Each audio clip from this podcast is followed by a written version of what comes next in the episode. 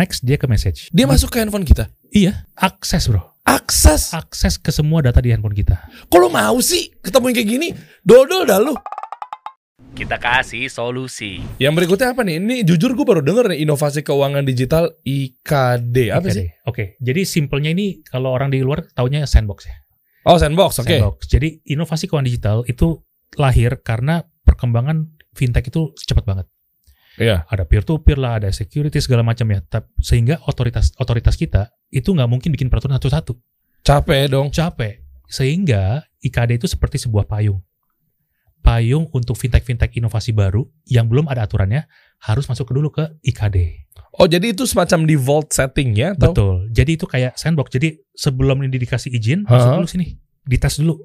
Sandbox itu kan kalau analoginya itu kan kotak pasir ya. Iya. Jadi kalau lu jatuh lagi anak kecil main-main di situ kan saat jatuh nggak sakit. Jadi kayak ya kita belajar dulu lah. Betul. Jadi tujuannya buat dikasih lihat ini lu jalan deh. Tapi Kalau- udah boleh eh, operation dan Boleh. sebagainya? boleh, Oh Boleh. oke. tapi limited ya. Nah, jadi nah bicara IKD sendiri ini banyak banget, Bro. Kita bicara IKD itu ada 15 cluster hari ini. Wow, apaan Nah, aja? bingung kan masyarakat peer to peer aja belum paham. ada securities crowdfunding ini ada Nah. apa lagi nih ada 15 biji lagi. Makanya gue ngundang elu selaku ketua AFSI. Ya, jadi- Ronald biar kasih tahu orang tuh taunya tuh semuanya ya udah ngurusin masalah uang uang Iya, pinjol. didanain pinjol lu juga belajar guys jangan dikit-dikit pinjol dikit-dikit pinjol udah Hmm. skeptis melek belajar Nah, inilah gue apa ya berharap ya supaya ini apa yang gue jelasin ini masyarakat jadi tahu dan bisa bedain ya fintech yang legal sama fintech yang ilegal. oke Ya, penting banget nih karena kan Iya. masyarakat sekarang lagi heboh tuh ya banyak kasus bunuh diri segala macam. Iya betul Nah, ini gue ada beberapa contoh menarik, Bro. Jadi kalau bisa gue next ya. Ada Boleh, boleh, pengalaman. Ini lebih ke ah, ini, ini nih. ah, ini mungkin gue jelasin dulu ya. boleh dong jelasin dulu dong Oke, oke, oke. gue penasaran nih di mana di mana letak ACT Oke. Oke, Bro. ya kan saya kan bertanya Oke. anda kalau nggak demen main di pinggir jurang nggak apa-apa Iya, iya. saya biasanya udah pinggir jurang kadang suka nyemplung sendiri gitu. Ah, Gimana gimana Siap. gimana? Gimana? Oke, jadi kalau kita bicara crowd- crowdfunding secara harafiah dulu nih. Ya. Itu kan artinya crowd dan funding. Ini urunan online lah. Oke. Ya. Urunan kan hal yang lazim ya. Udah lama orang Patungan. patungan, Hmm. ya kan? Tapi biasanya dulu orang patungan ya harus ketemu segala macam. Hmm. Dengan crowdfunding ini urunan itu dilakukan secara digital. Ya, melalui platform biasanya. Isinya berarti nampung duit orang dong. Tidak nampung. Baik, oke tergantung nih. Oh. Oke, gue masuk ya. Oh. Crowdfunding itu ada dua kutub sebetulnya. Yang kutub pertama adalah yang sifatnya sosial atau filantropik, Yang kiri tuh. yang kiri. Berarti dua nih. Ya, dua bawah ini Dua agak kiri lebih ya? filantropik. Heeh. Yang sebelah kanan tuh investment atau untuk komersial, Oke. untuk bisnis. Oke oke. Di kategori crowdfunding filantropik yang paling eh, pertama adalah donation crowdfunding. Tadi ada ACT, Dompet Duafa, lalu ada kitabisa.com dan lain sebagainya. Itu di situ tuh. Ini paling kiri, donation crowdfunding namanya. Sifatnya dia charity, Charity. donasi, Iya, social finance. NGO. Bahkan sampai ke Ziswaf. Oh. Ya, jadi sekarang orang ngumpulin wakaf bisa pakai platform. Orang mau nyalurin infak, zakat bisa pakai platform juga. Oh, tergantung mana yang oknum mana yang bukan. Betul. Jangan semua Jangan disamaratakan. Oh. Tapi balik lagi ketika bicara proper system tadi, ya crowdfunding itu harusnya lebih transparan karena uang itu kan ditahu, kita harus akan tahu ya yang dibutuhin berapa sih? Iya. Untuk apa sih? Iya. Kalau dulu sebelum ada platform, orang kan nyerahin sedekah segala macam kan ke lembaga, Iya. ya kan? Ah. Terserah deh lu, tar, gue taruh satu juta ya, terserah deh lu dipakai berapa, Oke. disampaikan ke mana, Oke. ya kan? Kalau crowdfunding harusnya itu lebih spesifik, Jelas ini produknya apa, betul, buat perusahaan apa gitu ya. betul. Jadi nggak goror. Ya, betul. Iya. Itu penting tuh. Jangan jadi kayak beli kucing dalam karung dan main judi. Betul. Eh. Nah, jadi sini tu- tujuannya platform itu benar-benar buat kita bisa milih yang mau kita support siapa sih, progr- Oke. programnya apa sih dan lain sebagainya. Oke. Ya, Itu donasi tuh. Donation crowdfunding. Oke. Kategori kedua namanya reward crowdfunding. Hmm. Nah, ini bukan donation, bukan juga investment, Hmm. tapi sesuai namanya nih reward. Artinya kita ada satu project yang kita mau support, nanti kita dapat return sebagai tanda terima kasih. Contohnya gimana boleh simulasiin nggak? Ah. Misalnya eh, gua yang Ah, ada punya contoh. project brand, bukan? Ada contoh nih, kemarin ada satu campaign dari kitabisa.com Mm-mm. waktu itu fundraising buat pesawat R80 yang diinisiasi oleh almarhum B.J. Habibie. Oke, ini kita garis bawahin ya. Ya. Ini kita bisa ya. Kita bisa waktu itu. Ya, Eh, jadi gini. Bukan bukan yang itu kan? Bukan, bukan, bukan, bukan. Jadi, jadi waktu itu reward crowdfunding, kalau masyarakat Indonesia mau mensupport program namanya pesawat R80, Oke. ini adalah pesawat buatan anak bangsa. Ingat ya, yang dulu ada pesawat Oh, iya tahu gue. R80 namanya. Ya, oh itu gua gua nggak nggak notice namanya sih. Iya. Itu R80. Itu R80. BJ Habibie ya. Betul. Pak Habibie kita nih. Betul. Nah, beliau waktu itu programnya adalah kalau masyarakat support 200 ribu nanti akan dapat kaos, Ya, oke. ya kan? Kalau 400 ribu nanti dikasih hoodie, Iya, iya. ya kan? Kalau Oke. 700 ribu itu dikasih bomber atau jaket. Iya, iya. Logo iya. R80. Oke. Termasuk muka kita akan ditempel di pesawatnya katanya. Iya, oke. Iya, itu Itu bentuk reward kan? reward. Jadi sesuai dengan namanya ya memang reward. reward. Nah, kalau yang di luar itu yang gede ada dua, Bro. Apa? Kickstarter. Oh, Kickstarter gue tahu. Nah, Kickstarter. Ketika misalnya lu ada eh, satu produk apa, brand Iya. apa, merek apa gitu kan, tiba-tiba disupport untuk dia misalnya butuh dana apa segala macam kan? persis. Kayak gitu. Jadi tuh. misalnya tumbler, lo bikin tumbler yang lebih inovatif nih. Tumbler lu ini bisa tahan panas sampai dua, dua hari, Hmm, hmm. misalkan Hmm. ada teknologinya. Wih, ini keren nih. Gue mau support ah. Nah, lu ketika support, nanti ketika barang ini diproduksi dan jadi, adalah orang pertama yang ditawarin, mungkin itu diskonnya gede, atau gratis bahkan. itu gue nya misalnya tuh. Betul. Ketika gue naruh di situ. Betul. Iya, itu namanya Kickstarter. reward crowdfunding. Satu lagi apa bro? Kickstarter Indiegogo. Ya, itu juga. itu juga tuh. gede. Itu juga gede tuh. Nah, di luar transaksi mereka tuh hari ini udah ratusan M. Hmm. Banyak orang punya ide kreatif segala macam. Karena ini luas banget, Bro. Bukan hanya buat bikin produk teknologi aja ya. Lu misalkan eh, punya profesi atau apa pun yang lu butuh di support, lu bisa ke situ. Oke. Oke, gue nginget eh, Kickstart itu ya. Iya. Eh, inget kemarin mampir di sini juga tuh narasumber kita nih. Dia Oh. punya Sonte, kaca film yang pakai teknik digital juga. Jadi dia bisa kayak sunblast gitu. Oke. Jadi kalau kita di kantor ini sunblast kan stiker Ya. ya bukan biasa aja kan, Ya. tapi kan lu kalau ya udah ketutup ya ketutup. Oke. Ini bisa pakai remote jadi bisa ditek terang. Oh. Yang ya, dia pakai itu Kickstarter. iya dia nemu di situ. Oke. Ya itu contoh contoh bagus banget. Eh kayak gitu. Iya, karena kan banyak ide bagus yang tadi ini orang-orang biasa yang nemuin, Hmm, Bukan big corporate. Iya. ya kan? Sehingga iya. mereka mau ke mana? Oke. Ya kalau lu ke big corporate yang se yang istilahnya kompetitor, Heeh. lu dihabisin, Bro. Betul. Ya, makanya waktu itu yang punya katanya orang China lama tinggal di US, Hmm. akhirnya dia jual barang itu, Betul. terus akhirnya si Andrew dia ceritain proses Ah. terjadinya segala macam. Iya. Nah, di luar negeri orang sudah sangat terbiasa dengan konsep ini. Ya. Bukan berarti nggak ada fraud ya. Oke. Banyak juga yang bikin is- produk palsu. Lah itu dia tuh kena di situ. Nah. Ternyata begitu order lagi nggak ada, Nggak dia ada. udah terima duit banyak, Ya. cabut. Bedanya apa, Bro? Di luar negeri orang tahu itu dilakukan oleh Kickstarter. Kickstarter kena impact nggak? Enggak. Enggak kan kesatuan emang enggak? Karena orang luar negeri udah paham ini hanya platform. Lu bisa naruh apa pun sebagai investor atau uh, supporter, lu harus baca dulu apa yang lu mau ambil. Oke. Sama aja kayak lu mau belanja online nih, Bro. Ya kan lu kan bisa baca deskripsinya dulu. Mhm, betul. Ya kan ada ada berapa supplier, ada yang pakai bintang, ada yang enggak, Oh. ada yang udah jualan seribu, ada yang baru jualan satu. Ya kelihatan semua. Kelihatan. Nah itu kalau ini kan ternyata barang yang kita pesen ternyata nggak sesuai speknya sama yang kita mau, apa disalahin marketplace-nya? Oh enggak dong. Enggak. Masa nyalain Shopee-nya? Betul. Ya, Istilahnya. Nah, peer to peer harusnya mindsetnya kayak gitu, bro. Oke. Sayangnya hari ini ada proyek gagal yang disalin platformnya. Ya. SCF juga bakal sama, Sama. tuh. sama. Misalnya kasih solusi, oke, nih eh, lagi fundraising nih, Hmm. ya kan, dibutuhkan berapa misalnya 5 miliar, Iya. lu pada bayar kan, Iya. ada yang naruh sejuta, 5 juta dan seterusnya, saham lo jadinya kepemilikan kasih solusi 0,0000 sekian misalnya. Iya. Tapi giliran kasih solusinya kodarullah tumbang, Iya. Ya berarti kan jangan disalahin Platformnya. platformnya. Iya. Ya, nah, ya. mindset itu belum ada hari ini. Ayo dong bangun dong. Nah, ini dia. Gue thank you banget diundang Ah, biar pada ngerti. Sama-sama bro. Iya, lo harus duduk di sini. Iya. Ya udah dari awal gue udah incar lo sih Oh, sebenarnya. Waktu gue ngobrol, gue ngobrol sama Pak Sekjen Oh. Muhammad Ismail Zahir tuh Oh, kan. siap, siap. Ronald tuh der, siap. Harus suarakan. Oke lanjut. Ah, Nah. ini berarti uh, P2P Tadi ya? Ya, berikutnya yang tadi ya. Ini semua eh, termasuk fintech yang paling awal nih. Ada peraturan di, di, di Indonesia. Namanya fintech peer to peer lending. Tahun 2016 bulan Desember. Gue inget banget waktu itu ya. Ini adalah fintech pertama yang istilahnya nih eh, diregulasi. Oke. Ya, namanya peer to peer. Tadi ya, basically ini adalah project based financing melalui platform. Oke, jadi ada UMKM yang butuh dana, ya? Betul. Jadi hari ini UKM yang sedang butuh tambahan modal kerja, ada PO atau ada SPK gitu misalkan, itu bisa ke platform peer to peer. Hmm, Nah, iya, nah, Iya, tapi karena karena untuk modalnya kan karena misalnya berat ya, betul. ngamanin supply-nya kan. Betul. Jadi ya tadi balik lagi nih, kan jenis modal kerja juga banyak. Ada yang tadi karena buat pengadaan misalkan, Hmm. ya kan atau misalnya warung-warung ada butuh tambahan inventory.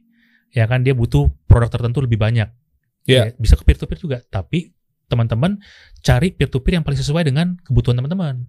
Oh, Karena peer oke. kan banyak produknya. Oke. Nextnya berarti ini eh, equity atau Equity crowdfunding? securities crowdfunding. Ya, tadi Syafiq. Syafiq contohnya. Oh, Iya. oke modelannya. Yang dulu namanya equity crowdfunding, cuma sekarang jadi securities crowdfunding. Perubahannya kenapa bisa begitu? Karena sekarang ada sukuk. Oh. Dulu nggak ada produk sukuk. Oke. Jadi namanya equity crowdfunding. Oke. Gitu. Nice ya. Nah, eh, eh, di situ udah clear ya. Maksudnya yang tadi udah gue jelasin, kita pakai contoh Syafiq gitu. Ya. Nah, artinya banyak teman-teman yang mungkin pengen investasi, Hmm. cuma biasanya nggak aman, bro. Oke. Nah, itu kendalanya di situ. Nah, maka nanti mungkin lo bisa tambahin insight lo gitu ya. Ya. Ke teman-teman kita, eh, artinya dia pengen banget investasi, tapi secara aman seperti apa sih? Hmm, Jangan sampai lu taruh di perusahaan yang nggak jelas, Ya. eh, kabur nggak karuan misalkan. Nah, makanya ya ya kayak misalnya contoh hadirnya Hmm. Syafiq Securities Crowdfunding Syariah ini yang pertama berizin OJK, Hmm. udah ISO juga kan dia kan? Oh, sudah pasti. Iya, Hmm. 27001 kan. Iya. Ya, itu juga membantu buat para teman-teman UMKM kita atau mungkin pengusaha-pengusaha yang pengen berawal mula untuk berinvestasi. Hmm. Investor awal-awal lah. Iya. Start from 1 juta apa segala macam. Betul. Kayak gitu kan ya? Betul. Nah, ini poin penting ya. Jadi Nah, investasi itu berarti ada resiko, ya. ya kan? Justru karena ada resiko kita berhak dapat profit. Oke, Itu secara prinsip syariahnya. oke. Tapi bagaimana menghindari jangan sampai kita tertipu dengan aplikasi bodong, aplikasi ilegal. Hmm. Jadi masyarakat kalau emang mau invest, cari tahu dulu nih platform ini udah legal atau belum.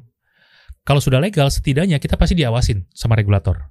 Iya. Dipastikan bahwa semua sistem kita sudah compliance, data kita dijaga kerahasiaannya dan Oh, lain oke. sebagainya. Karena Oke. yang pinjol hari ini kan tahu sendiri, data di ke mana-mana, Iyalah. ya kan? Aduh. Gua nggak pernah pakai, tapi tiba-tiba orang kontak-kontak gua, ya kan? Iya. Nah, karena kalau yang legal hanya boleh akses tiga hal, camilan, Camilan. camilan. Buat dimakan apa buat did- didanain Itu sih? singkatan biar masyarakat gampang ngerti, bro. Oh, Jadi oke. camilan itu singkatan dari kamera, mikrofon, dan location.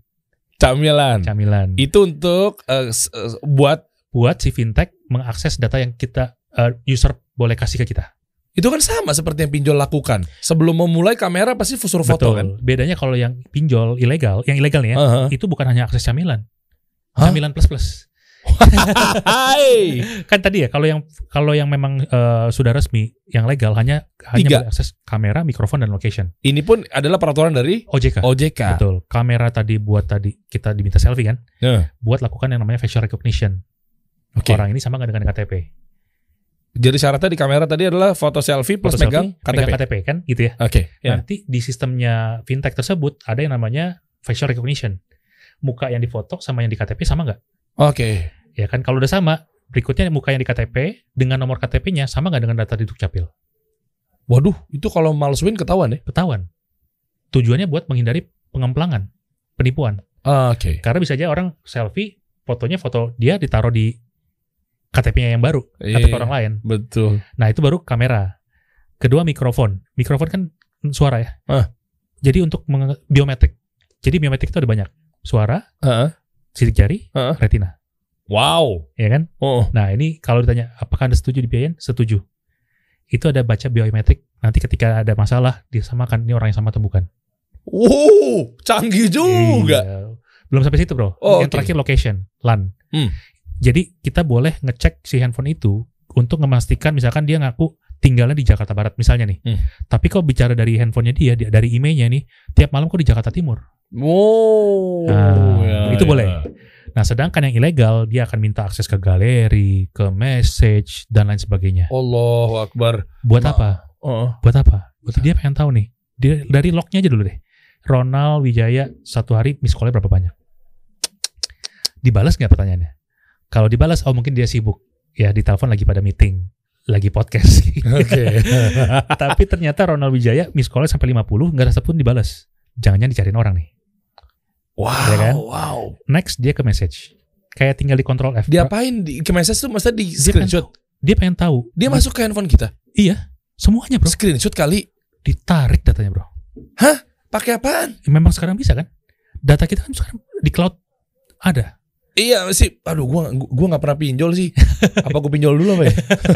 Gua ngerti karena Nggak, itu iya, terjadi. iya, iya, di- pasti kan lu iya. harus pelajarin dong. Bukan hanya itu bro, gue jadi ada korban pinjol yang gue tanyain. Oke gue bayarin utang lu, tapi gue harus lu harus bersedia gue kasih gue gua korek-korek. Kejadian kayak gimana? Oh dia minta tolong sama lu. Dia total sama gue. Hmm. Ya gue rasa ini kesempatan buat gue lebih ngerti dalam. Iya benar-benar. Iya buat knowledge ya. Iya, buat knowledge gue. Jadi jadi boleh deh, ini ini ini, Hmm. ini menarik ya. Hmm. Eh, pi- pinjol tuh maksudnya oke, camilan tadi gue udah dapat. Iya. Cara-cara untuk lo melakukan pinjaman online. Nah yang ilegal, Tapi yang ilegal itu Hmm. yang legal ya. Iya. Kita bahasnya ya. Iya. Yang ilegal plus plusnya adalah masuk ke log kita. masuk ke lock tuh, maksudnya gimana sih handphone ini ketemuan Dia nih? Narik data Pinjol tuh ketemuan gak sih? Enggak bro. Eh, namanya juga pinjaman online ya. Pinjaman online. Eh, maksudnya dia narik datanya pakai apaan? Ya dari sistem teknologi mereka. Ih, ngeri banget. Bisa bro. Gila kan lu tahu sekarang katanya Nyerahin iCloud. akses bro. Akses. Akses ke semua data di handphone kita. Lo mau sih ketemu yang kayak gini? Dodol dah lu. Enggak maksud gue. BU. Iya, iya sih BU, tapi kan Enggak gini bro. Enggak, enggak, ini rasional ya, Iya. rasional ya. Gue nggak tahu lah, mereka juga kadang serata pendidikannya juga aduh. Gini. Tanpa mengurangi rasa hormat Iya, ya. masyarakat banyak yang nggak ngerti, Bro. Kan BU nih butuh duit. Iya. Di dikasih peraturannya tuh semuanya kecil-kecil, lu suruh nge-scroll. Apa lu baca? Aduh iya lagi langsung agree gitu sih Iya. pasti kan. Pasti langsung agree. Terus handphone lu gerak sendiri dong. Dia bisa tarik semua data di handphone lu. Iya tarik, cuma handphone lu dipakai normal kan? Normal. Enggak, lu nggak akan merasa gitu. Tapi oh bukan kayak, kayak kebajak gitu. enggak, enggak, enggak, enggak. Tapi kan data ya. Data. Lu jadi gini, gue lanjut lagi nih. Nih orang ke- kagak minum tolak angin sih, kagak pinter-pinter. Promosi juga ya? Enggak ya? Bayar lo tolak angin, bayar lo. nah, gue lanjut dikit, Bro. ya, dia masuk nih. Masuk. Buat ngukur Tadi, credit scoring. Pinjol melakukan analisa itu dari data-data di handphone kita buat lihat karakter kita. Sebetulnya, ada juga bisa ngambil kontak list kita kan. Exactly. Jadi gini bro, jadi dia akan lihat tadi pertama ya contoh dari lognya berapa kali miss call satu hari, dibales nggak? Ternyata nggak dibales, oh dicariin orang nih. Dia coba ke message berapa kali muncul bayar tunggakan anda, misalkan. Oh, ketahuan tuh. Ketahuan satu kali muncul nilai tinggal 9 Ya. dua kali muncul tinggal 8 Oh, dan dia seterusnya. Oh, kurasi dari situ. Dari situ. Oh ternyata ini bagus nih, verifikasinya oke, terus nggak nggak ada hal-hal kayak tadi temuan tunggakan segala macam, di, dipinjemin nih duitnya sama pinjol ilegal. Hmm. Ya kan, begitu hari hanya udah mulai gagal bayar, ditarik dari storage, dicari tuh foto bini lu, anak lu, Allah diambil dan apa yang terjadi? Disebar kan? Di Photoshop dulu bro, Di Photoshop. di Photoshop jadi gambar tidak senonoh. Oh. Jam 4 lu nggak bayar, gue sebar ke otak lu. Stres. Oh, gitu cara mainnya. Allah, gue baru tahu loh sekarang loh. Gue pikir, bro, ini kita diskusi Hmm, di sini ya. Gue pikir tuh dia tahu gue, gue tahu, gue tahu eh, impactnya. Hmm. Ketika dia cara beroperasi, gue nggak tahu, jujur, karena gue nggak pernah satu kali pun pakai pinjol. Jangan lo yang pakai bro. Lu tanya teman lu jadi korban. Iya, iya, oke, oke. Nah, Tanya. gue pikir pas impactnya itu kan dibuka aibnya, Hmm, ya dong. iya. Ya kan, eh, alhamdulillah sih circle gue sih nggak ada. Jadi Hmm. gue cerita adik gue. Oke. Ya, adik gue tuh temennya ada yang begitu, ada dia kena reko katanya pakai rekomendasi-rekomendasi teman gitu ya. Oh, dia nggak pakai itu ya. Kan diakses semua. Iya bener. Kontaknya diambil. Oh, berarti pas kena adik gue kok oh ngerti gue ngerti gue. Gue nangkepnya tuh sama adik gue karena kita sama-sama awam, adik gue juga nggak main pinjol-pinjolan.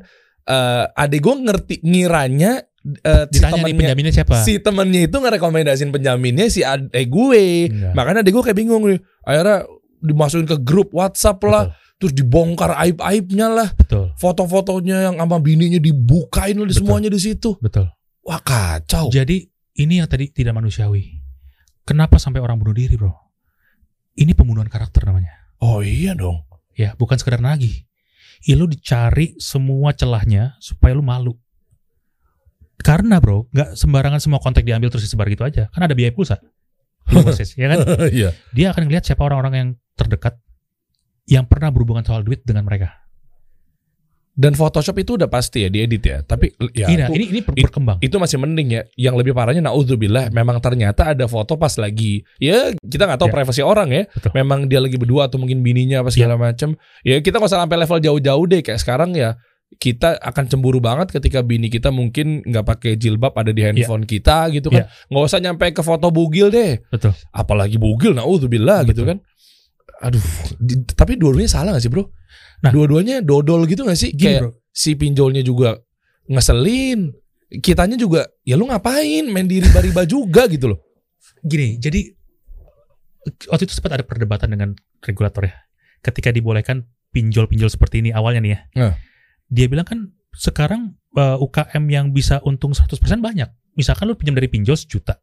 Lu beli aqua botol gitu, lu Hmm. pinggir jual pinggir jalan. Lu modalnya 2000 bisa jual 4000. Iya. Jadi lu bayar bunga 1% satu hari, murah dong. Ini kita ngomongin ribanya misalnya ya, ya. ini gue ngomongin itunya. ya. Heeh. Jadi gue gue gue komplek, gue gue gue gue raise issue. Berapa banyak yang make uang pinjol itu buat kayak gitu? Oh iya. Harusnya dipikirin masyarakat yang BU beneran nih, anaknya di rumah sakit. Kalau nggak bisa bayar rumah sakit bisa meninggal. Hmm. Udah buta bro, nggak Iya. peduli ini mau diambil data gua kayak apa. Hmm, oke. Banyak masyarakat yang kayak gitu, kedes kedesek. Iya. ya kan ujung-ujungnya apa tadi mereka udah nggak mau tahu nggak bisa bayar ya kan ternyata gagal bayar sekarang dicecer begitu problemnya adalah satu nih udah dapat satu pinjol gagal bayar terus tiba-tiba pinjol yang lain juga masuk kan Hmm. dan dia pakai lagi Iyalah. Yang tadi dikejar satu debt collector yang Tambah lagi. sopir Bluebird meninggal itu pas diinvestigasi Oh iya itu tuh gue tahu. Itu itu, itu apa? Gue nggak ngikutin lagi Pinjol. beritanya. Pinjol. pinjol 16 pinjol Subhanallah. ya jadi dikejar satu aja udah pusing Iya gali lubang tutup lubang kan? Iya. Problemnya, lu mending lubangnya ketutup bro. Bunganya satu persen satu hari bos. Ya kan, Gila, lu dap, lu katanya mau minjem tiga tiga juta nih, pas cair cuma dua setengah juta. Tapi dihitung satu persen per harinya itu dari tiga juta. Bisnis apaan? Ah, Ya kan? lu belajar yang bener aja deh, belajar bisnis, kerja kayak apa gitu.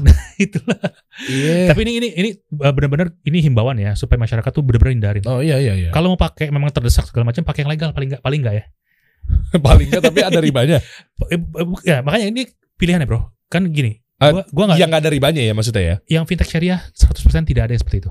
Oh, Oke. gua berani pastikan karena kita punya sebagai asosiasi dan sebagai lembaga yang sudah ditunjuk resmi sama regulator, gua pastikan itu nggak ada di fintech syariah.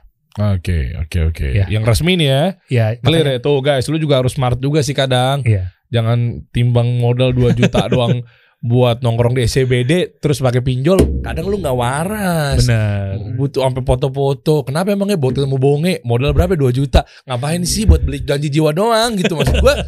Come on man. Keselin banget gua Iya. pengen tampil asik gitu loh. Pengen Iya. beli iPhone 7 gitu maksudnya Hmm. maksain. Iya. Tapi ini proses lah. Ya, iya kan dengan ada di sini mungkin kita bisa bersuara nyampe ke mereka gitu loh. Tanpa mengurangi rasa hormat ya. Kita Iya. di sini tuh himbauan lah buat lu kita sayang sama lu gitu sesama muslim. Betul. Jangan sampai cuma gara-gara lu pengen nyobain makan sabwe terus lu pinjol kan aneh Iya. gitu. Iya. Makanya ngertiin dulu, ya kan? Hindarin yang ilegal. Intinya itu sih. Wah, nice, nice, nice. Yang berikutnya apa lagi? Tadi lu katanya mau bocorin gue sesuatu. Coba. ini. Ah, ini kan? Iya. Ini bukan sih yang tadi lu mau jelasin? Ini yang tadi gue bilang inovasi keuangan digital. Ah, ah, Fintech sedang- berkembang dengan pesat ah, ah. sehingga banyak banget jenis fintech baru. Oh, oke. Ya, ada fintech agregator, fintech credit scoring, fintech Blockchain. KYC, termasuk blockchain. Wah, ini pembahasan akan panjang nih. Kita nggak mungkin bahas masalah blockchain dan cryptocurrency di sini. Mungkin di lain kesempatan. Hai. Seru. Oke, lalu, lalu. Jadi ya ini ya, gua rasa eh, ini buat gambarin bahwa kita nih sebagai bangsa Indonesia Hmm. punya kesempatan buat benar-benar jadi leader dari ekonomi syariah dunia. Oke. Boleh next mungkin ada beberapa slide yang mungkin gue bisa kasih lihat next. Next lagi. Eh, coba stop lagi, stop lagi. Hmm. Sekurit. Coba tadi, tadi, tadi minta tolong. Coba yang pas di Syafiq dong. Coba next lagi, Oh, next oke lagi. ini ya. Security crowdfunding yang sebelah kiri tuh di Anda batasin kenapa? Oh, oke. Yang sebelah kiri ini ada yang sudah berizin. Apa apa apa apa? Jadi Syafiq. Lu Besok kan naik si nih, biaya endorse naik ya. Iya. kan lu kan selaku ketua asosiasi fintech syariah. Maksudnya gue pengen tahu edukasinya. Iya, Yang sebelah kiri tuh ada tulisan security crowdfunding. Kan ada dibedain namanya sebelah kanan. Iya. Kiri kenapa? Yang udah berizin. Berizin OJK. Berizin OJK. Masya Allah Syafiq ya. Security Yang pertama crowdfunding syariah yang pertama Betul. berizin OJK. Iya. Masya Allah. Dan insya Allah nanti ada teman-teman lain yang nyusul. Kita fokus di Syafiq aja ya. Oke oke lah. Lalu lalu Iya. gimana bro? Eh, next next. Next next next. Ya ini ekosistem kita ya cukup banyak dan beragam. Mm-mm. Kita ngajak bukan hanya sekedar peer to peer atau SCF aja ya, tapi kita ngajak ekosistem. Oh, Oke. Barangkali kasih, solusi bisa join juga nih. Emang iya? Well kan digital. Oh ini inline ya? Iya kan gini bro. Kita teknologi tuh lihat sebagai sebuah enabler. Oke. ya kan buat ngedorong ekonomi syariah. Kalau istilahnya ber- bagaimana kita bisa berjamaah ya dengan manfaat teknologi, Hmm. bikin program bareng, ya kan, Boleh dong kita ngobrol. bareng, benar.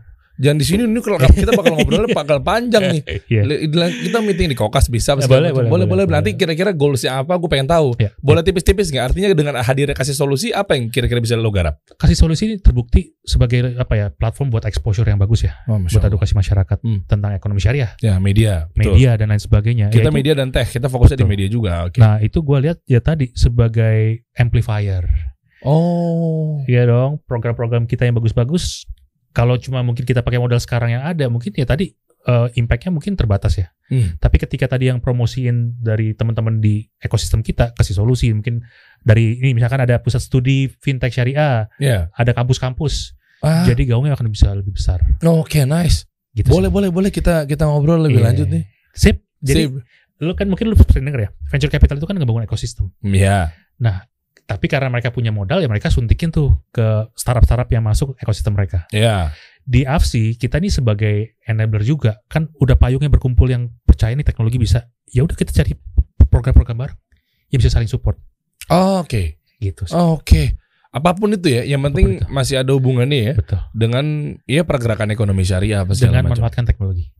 Oh, Iya. ini kuncinya nih. Iya. Kata Terus- kuncinya. Kata kuncinya. Terus bagaimana teman-teman kita yang masih ada konvensional yang belum melek digital? Oke, ini bagian dari proses. Ya, kadang gini, gue paham ya bro. Jadi gue ngelihat bahwa edukasi ini banyak banget dilakukan, literasi. Oh, ada webinar-webinar tentang ekonomi syariah. Problemnya satu, orang yang udah denger, yang udah ngerti, belum konversi pakai produk syariah. Nah, contohnya. Contohnya, gue Ini seru pengalaman. nih, seru ya kan? nih. Misalkan gue tuh lagi ngasih ajarin tentang fintech syariah, Hmm. potensinya, challenge-nya dan lain sebagainya macamnya. Oh, ini orang antusias. Di akhir eh, presentasi gue tanya, di sini yang sudah pakai punya rekening syariah siapa? Berapa persen? Oke. Ya, itu adalah langkah kecil untuk mendukung ekonomi syariah. Oke. Ya kan sekarang masyarakat ya udah ngerti tapi belum manfaatin. Bisa jadi karena mereka juga lupa. Iya juga ya kenapa gue gak bikin rekening bank syariah ya? Padahal itu adalah awal-awal Langkah-langkah ketika langkah-langkah kecil. Apalagi contoh-contohnya. Contoh, misalkan lu eh, masyarakat memfollow kasih solusi, Ya. ya kan buat tadi ya bicara tentang ekonomi syariah buat Masya UKM segala macam. Terus nge-like, kan exposure makin besar.